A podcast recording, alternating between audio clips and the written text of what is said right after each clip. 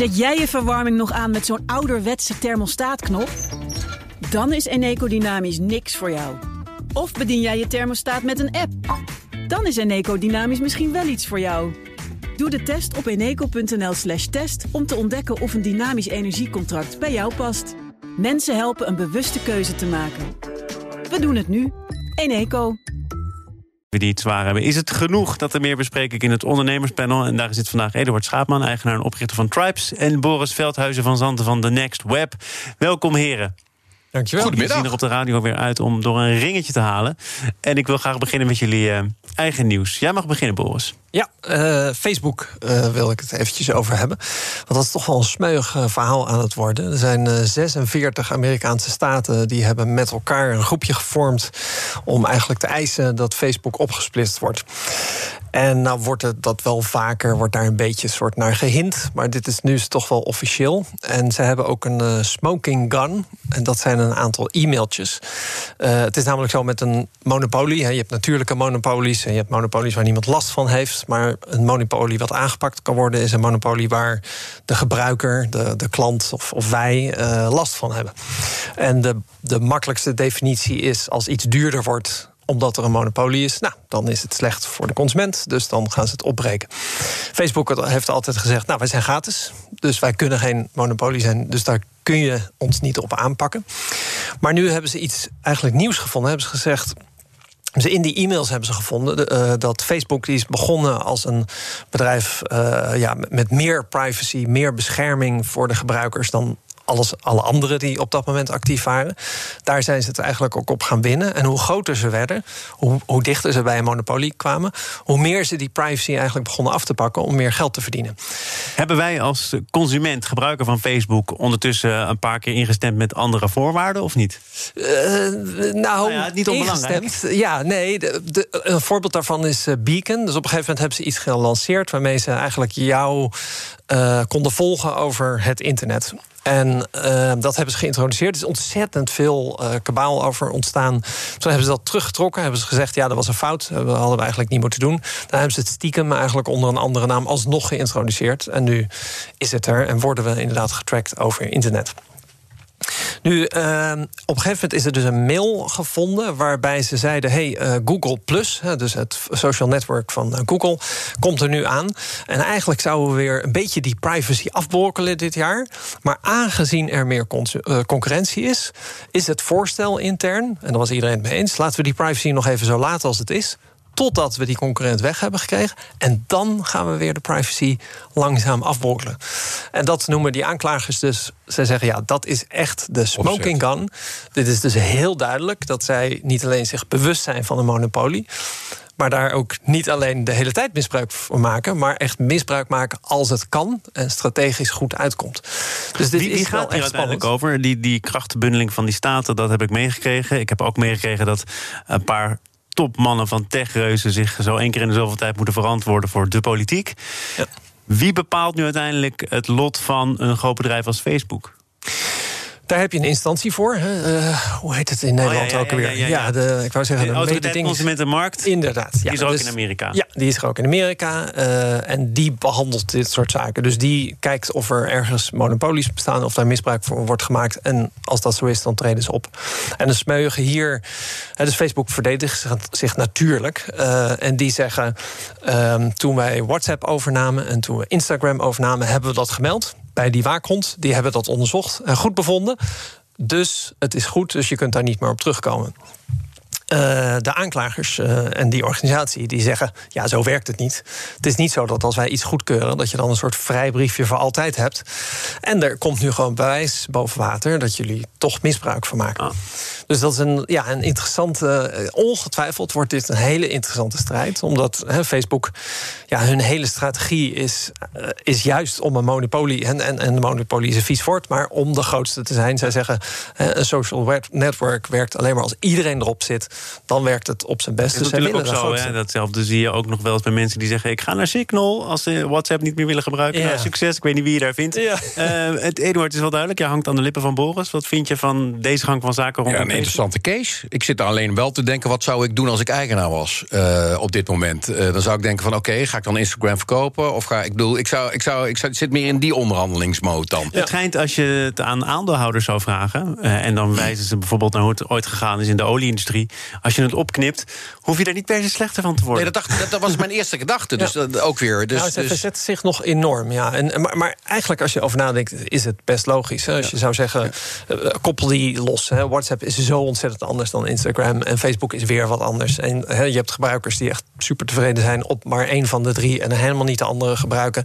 Het, het enige is dat in de toekomst, als Facebook zelf, de, de service van Facebook, uh, als die minder populair zou worden, dan is dit hun backup plan. En als je dus zegt, ja, dat backup plan moet je loslaten. Ja, dat is misschien voor de aandeelhouder in zijn geheel. Ja, het is natuurlijk wel erg uh, leeftijdsgericht. Hè? Facebook uh, is natuurlijk weer totaal andere generatie dan Snapchat en TikTok. En dus het, het verplaatst zich wel. Dus uiteindelijk, uh, ja, misschien wordt Facebook dadelijk veel minder waard. omdat het platforms als TikTok en Snapchat veel meer een opkomst zijn bij de jongere generatie. Dus. Nou, het lijkt erop dat dat ook hun strategie was. Hè? Dus dat Facebook heeft gezegd: um, ja, services komen en gaan. Uh, wij willen hier de beste en de grootste zijn en voor eeuwig.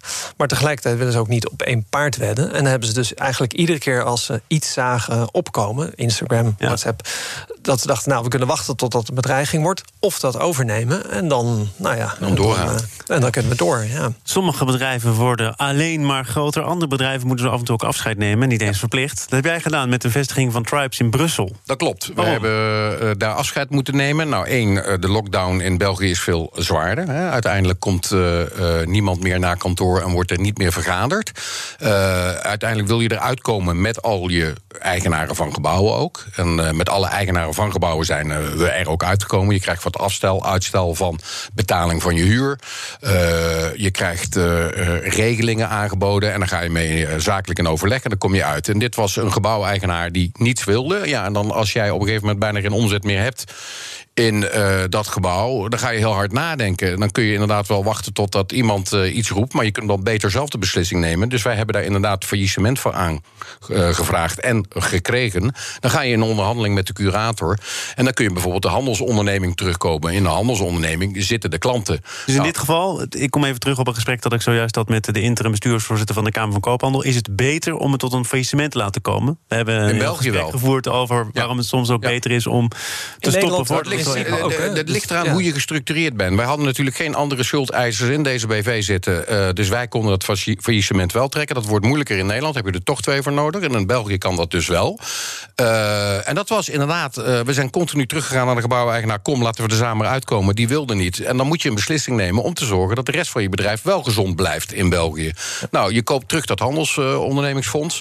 en dan kun je dus in contact komen weer met je klanten. En de meeste klanten verplaatsen zich dan toch weer naar jouw andere vestigingen, omdat ze tevreden waren over de services. Dus hoeveel pijn heb je geleden? Hoeveel mensen verliezen hier nu ook ja, een baan? Hier verliezen wel drie mensen een baan mee. Dus dat is, eh, ja, ik vind het vreselijk voor de mensen. En uiteindelijk kun je ze weer terugkopen vanuit uh, de curator. En daarover zijn we toch weer in gesprek, want het zijn wel goed opgeleide mensen. In algemenere zin zei je tegen Quote over deze beslissing. Als ondernemer moet je op de ene plek soms hard knijpen om elders lucht te houden. Niet leuk, maar wel noodzakelijk. Absoluut. Nou, Absoluut. dat klinkt ook als iets waar je langer aan kunt vasthouden. Maar ben je dat op korte termijn ook nog weer van plan? Of ben je gedwongen om ergens te gaan knijpen en ergens anders weer lucht Ik sluit niks uit. Dus uh, ook hier zijn we nog steeds naar aan het kijken. Aan de andere kant groeien we weer wel. Uh, we zijn bezig met de opening van een vestiging in Duitsland. Maar wat bedoel je met ik sluit niks uit? Omdat je altijd overal naar moet kijken? Of zijn er echt gebieden, vestigingen waar het, waar het niet goed gaat? Uh, je ziet op dit moment dat de vraag weer terugloopt. We hebben goede maand gehad, zoals ik al eerder had gezegd, in oktober en in november. En ik zie nu dat dat vergaderen weer terugloopt. Dus ik weet niet hoe lang dit allemaal gaat duren. Dus het is absoluut waar dat ik hetzelfde laken en pak als de horeca. Alleen de, de horeca krijgt weer een fantastische vergoeding. Uh, en bij ons niet. En waarom krijgen wij die vergoeding niet? Omdat er niet officieel dicht moeten. Alleen, meneer Rutte roept continu wel, blijf thuiswerken, nee, je, blijf moet thuiswerken. toch, je moet toch kijken naar of jij veel omzetverlies hebt? Die heb ik nu wel. Dus ik heb de NOE 1 heb ik niet kunnen aanvragen. De NOE 2 hebben we wel uh, gehonoreerd gekregen... omdat ik uiteindelijk genoeg omzetverlies had. Dus we gaan nu ook weer op voor die NOE 3. Uh, daar ga je dan wel naar kijken, want uiteindelijk is het niet iets... wat door ons komt, maar uiteindelijk de beslissing is geweest... van een kabinet die zegt, we gaan deze kant op. Mm. Overigens zegt het kabinet dat er uh, veel te weinig wordt thuisgewerkt. Ja, dat zeggen zij, maar waar zijn de gegevens? Ik zie de gegevens in mijn panden en ik zie gewoon dat mijn panden redelijk leeg staan. En ik zie inderdaad wel mensen terugkomen die niet mogen werken bij hun eigen grote bedrijven en dan maar bij ons komen werken. Maar ik zie wel hele vloeren leeg staan. Hm. Dus ik denk niet dat het mensen zijn die naar kantoor zijn. Ik denk meer dat het mensen zijn die gaan winkelen tijdens hun kantooruren thuis. Eh, Boris, nog even naar eh, de wijsheid die hier zomaar het panel in wordt gestrooid. Namelijk um, soms knijpen om ergens anders lucht te houden. Heb jij dat ook moeten doen de afgelopen maanden? Ja hoor, ja. we hebben ook uh, ja, wat contracten laten aflopen. En uh, ook, ja, we moeten ook wat krimpen. Ja, we, we zijn natuurlijk afhankelijk van onze conferentie. Hè. We zouden dit jaar 20.000 bezoekers krijgen op de conferentie. Nou, die conferentie ging helemaal naar online dat gaat supergoed. Hè? Er, wordt, er zijn heel veel uh, ja, enthousiaste reacties. Er zijn ook uh, 15.000, 20.000 mensen die dan online meekijken. Maar goed, dat zijn niet mensen die 500 euro voor een kaartje betalen... en dan een stand bezoeken van een, uh, van een partner... die daar 100.000 euro voor heeft betaald. Dat zijn andere bedragen. Dus ja, ook voor ons is het, is het best even knijpen. Ja. Over dat faillissement wilde ik nog ja, zeggen. Want ja, dat wordt, zeg, het is een soort misverstand... dat mensen zien faillissement als een soort rode kaart... en je gaat van het veld af...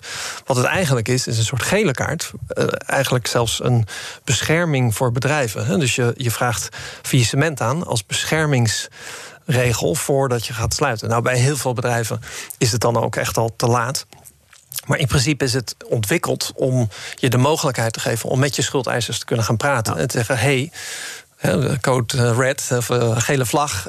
als het zo doorgaat, ga ik het niet halen. Dus jullie moeten je iets flexibeler op. Maar dan moet je dat dus wel naar voren schuiven en, en niet pas achteraf. Ja, dus in, in de praktijk is het een heel slecht teken. Ja, dus een bedrijf wat het faillissement aanvraagt, is een slecht teken. Maar dit is wel een soort ja, algemeen misverstand. Dat mensen denken: oh, zodra je failliet, faillissement aanvraagt, ook dan is het dus over. Nou, nee, ja, die kans is groot. Maar het is eigenlijk een beschermingsmaatregel. In Amerika krijg je zelfs pluspunten. Als je als ondernemer een keer gefailleerd bent, want dan weet je hoe het werkt. Ja, nee, tuurlijk. Ja, ja maar ik hoor hier al heel erg lang dat, dat in Nederland het taboe maar eens doorbroken moet worden. Is dat niet inmiddels ook zo? Ik bedoel, uh, als je, ja, als je wil, dan, dan kun je uh, virtueel of uh, zometeen het echt nou allemaal fuck-up nights... en mensen die boeken schrijven over hoe ja. wijs het soms is om, om een tegenslag te incasseren maar als ondernemer. ook per industrie. Ik, ik, ik, ik, geloof, we zijn natuurlijk blijven Calvinistisch landje. dat, dat we het moeilijk vinden om erover te praten. Gelukkig ben ik die begonnen hier, heb ik er minder last van. En moet je ook gewoon je kwetsbaar op durven stellen als er dingen misgaan... want dan kunnen ook weer anderen van leren. Plus ja, uh, uh, ik denk nog steeds dat we in Nederland het heel eng vinden om te vertellen: het gaat niet goed. Maar jij was hier vorige keer. Toen ging het misschien ook niet aan alle kanten even goed. Toen zei jij, ja, oktober is een recordmaand. Een recordmaand Iedere ondernemer, ja. iedereen heeft ja. toch de neiging...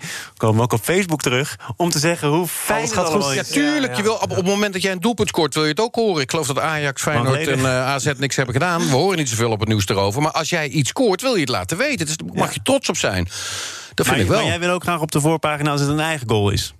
Nee, dat niet. Je wordt gewoon gebeld. Ik bedoel, als je een relatie opbouwt met journalisten... moet je ook zo netjes zijn ze te woord staan als je slecht nieuws hebt. Punt. Maar ik kan het wel uitleggen hoor. Dus, uh, slecht nieuws is ook een soort self-fulfilling prophecy. Hè?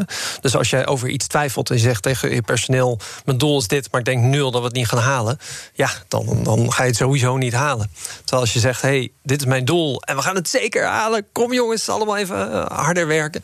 ja, dan heb je een betere kans om het te halen. Dus ik denk dat ondernemers heel erg zijn ingesteld met... hey, dit is het goede nieuws, dit gaan we naar werken. Ja, het gaat even slecht. En het is makkelijker om te praten over iets wat slecht ging... een tijdje geleden, wanneer er weer iets goeds is gegaan... want dan ben je daar overheen. Ik ben gewoon... ook wel eens iets tegengekomen, ja, maar zie eens waar ik nu sta. Hier binnenkomen en zeggen, oh mijn god, het gaat zo slecht met mijn bedrijf. Ja, dat zal geen niet één ondernemer doen. Want dat, ja, dan, dat, dat betekent eigenlijk dat je het al hebt opgegeven. Um, we gaan het hebben over hoe ondernemers het allemaal kunnen halen. Zaken doen. En dat bespreek ik met Eduard Schaapman en Boris Veldhuizen van Zanten. Er zijn verschillende manieren om ervoor te zorgen dat die ondernemers ook in moeilijke tijden overeind blijven staan. Um, je kunt bijvoorbeeld uh, met een beetje geluk aankloppen. Dat zal ongetwijfeld de bedoeling zijn bij ING. Uh, daar is namelijk uh, de bedoeling dat er een miljard aan nieuwe leningen wordt verstrekt aan MKB'ers en ook grotere bedrijven in Nederland. En dat doen ze dan in ruil voor een transactie waarbij de Europese investeringsbank, de EIB, garanties geeft op de kredieten. Overigens niet voor de volle 1,1 miljard, maar de bedoeling is, wat zeg je? 700 miljoen. 700, 700 ja, miljoen. Um, is dit iets wat ervoor gaat zorgen dat banken uh, wat minder streng gaan worden en toch die kredieten verstrekken? Nou, ik denk dat het gewoon een fantastisch mooi nieuw product is voor de ING waar ze goed aan gaan verdienen. Ik denk niet zozeer dat het iets is voor het oh, MKB. Jij hebt er wel vertrouwen in. Ik heb nee, nee, nee. Ja, want kijk. waarom? Want eraan gaan verdienen, als we het nu toch over de cijfers hebben, 702 miljoen euro van die leningen, 1,1 miljard in totaal, wordt tegen een gunstig tarief verstrekt. Ja, en waarom wordt het tarief dan niet vermeld? Oh, jij betwijfelt of het wel zo gunstig is? Ja, nou ja ik heb natuurlijk van alles meegemaakt. Ik heb het in, in, in de, de call meegemaakt van de overheid, de tops van de overheid. Al, alle financieringen die zijn aangeboden aan start-ups en scale-ups. Dan schrik je van de rente die je uiteindelijk moet betalen. Dat je je moet afvragen of je er iets aan hebt. Dus ik had graag een heel bericht gehad van de ING. Van hoeveel moet ik dan betalen tegen welke voorwaarden? Ja. Nu is het weer zo'n lekkere dikke wortel die wordt voorgehouden. Maar ja, ik wil toch wel even de cijfertjes achter de komma Denk weten. je dat een, dat een bank uh, in een persbericht een algemene uitspraak kan doen over gunstige voorwaarden. Want je zult toch ook moeten kijken wie er binnen stapt. Of zeg jij nee, dat moet je niet voor ieder bedrijf afzonderlijk proberen te berekenen? Nou, je moet in ieder geval een indicatie geven. Want ik ben het helemaal met je eens. Ik las het ook en ik dacht, ja, oké, ja, ja, een gunstig. Ja, wat is dat ten opzichte van wat? Uh, dus het, het, het lijkt heel mooi, maar mijn zorg was ook dat er veel ondernemers die nu het water aan de lippen staat, die denken, oh fijn, dat is mijn redding. En die gaan dan praten met de bank. En nou ja, je weet wat ze zeggen over banken. Die geven je paraplu als de zon schijnt en ze willen hem terug als het regent. Nou, het regent nu. En dan kom je dan aan. En dan, dan ten eerste gaat natuurlijk iedereen die het nodig heeft, krijgt niet die lening. en als ze hem krijgen, Jongens, dan is het ik wist dit niet. Hoe moeten jullie er allemaal Ja, in zaten? Mag ik nog eventjes proberen om met cijfers die discussie helaas. eh, Een een andere kant kant op te draaien? Nou, misschien. Ik ga het proberen. Want de Nederlandse Vereniging van Banken komt ook zo af en toe met cijfers over wat zij gedaan hebben tijdens de coronacrisis. Er zijn 40.000 nieuwe financieringen verstrekt aan bedrijven met een totale waarde van 27,6 miljard euro. Bijna 6400 van die financieringen zijn verstrekt met een overheidsgarantie. Kan ik daar dan uit concluderen? Dit zijn, dit zijn de cijfers, hè? Ja. Dat de kredietverstrekking toch nog redelijk is doorgegaan. Ja, Ook natuurlijk. Garantie van de overheid. Heerlijk voor die banken. waarvan 6400 van deze financieringen verstrekt zijn met Ja, een toch? overheidsgarantie. We hebben het over een totaal van 40.000 nieuwe Ja? financieringen. Dus dan is het Nee, het is hartstikke goed. Eh, eh, hartstikke goed. Nou, fijn dat je me Ja. dit gunt, Boris. ik ben nee, hier niet voor de bank, hoor. Nee, en ik gun het iedereen. En dat is natuurlijk hartstikke fijn. Maar nogmaals, eh, kijk, dit is een persbericht voor heel Nederland. En er zitten ook heel veel mensen bij die zich gewoon echt heel erg zorgen maken. En op zoek zijn naar een redding. En waarschijnlijk als je hier naar gaat kijken, dan is bij iedere lening denk je, right, oké, ja, een gezond bedrijf wat het eigenlijk niet nodig heeft, maar wat het is gunstig geld. En dus hè, ik vraag, ja, ik maak me zorgen dat sommige mensen hier hoop uithalen terwijl die er misschien niet is. En, en dat werkt dat persbericht in de hand door gewoon wat onduidelijk te zijn. Hebben, hebben jullie eh, binnenkort, eh, denk je, afspraken met de bank nodig... om wat voor reden dan ook, verlengen van krediet, nieuwe financieringen? Nee, nee, nee. Daarom ben ik ook zo transparant in dit verhaal. Ik heb gelukkig geen eh, lening bij een bank. En daar ben ik heel blij mee. Waarom beweeg jij zo pertinent rond de bank heen, zodat je er niks mee te maken hebt? in het verleden al eh, eh, genoeg geprobeerd om daarmee zaken te doen. En uiteindelijk lukt dat niet zo goed in Nederland. Eh, dus moest je naar de externe wereld, buiten Nederland... om te kijken hoe kon ik mijn bedrijf van de grond trekken. Dus ik heb natuurlijk toch al heel wat gesprekken gehad... links en rechts met de bankaire wereld. En nogmaals, dat komt natuurlijk ook door de regelgeving... die ze wordt opgelegd vanuit Europa. Het is, als jij een bedrijf wil neerzetten... en je hebt een financiering nodig van meer dan 50 miljoen... moet je ieder geval niet in Nederland zijn. Eh, dat zijn grote bedragen, inderdaad. Maar eh, ik merk wel dat, dat het verdomd moeilijk is voor een ondernemer om zich allemaal aan die regeltjes te houden. Dus dan zoek ik toch liever andere wegen. Maar, maar ondernemers die zich aan de regels moeten houden, zo erg is dat toch niet? Nou, eh, dat weet ik niet. Ik bedoel, ik weet dat jij in een, op een ander platform ook hebt gezegd, de nieuwe wereld, eh, dat Nederland en ondernemers te braaf zijn. ja. Waarom dan? Wat zou er gebeuren als we die regels allemaal aan onze laars lappen?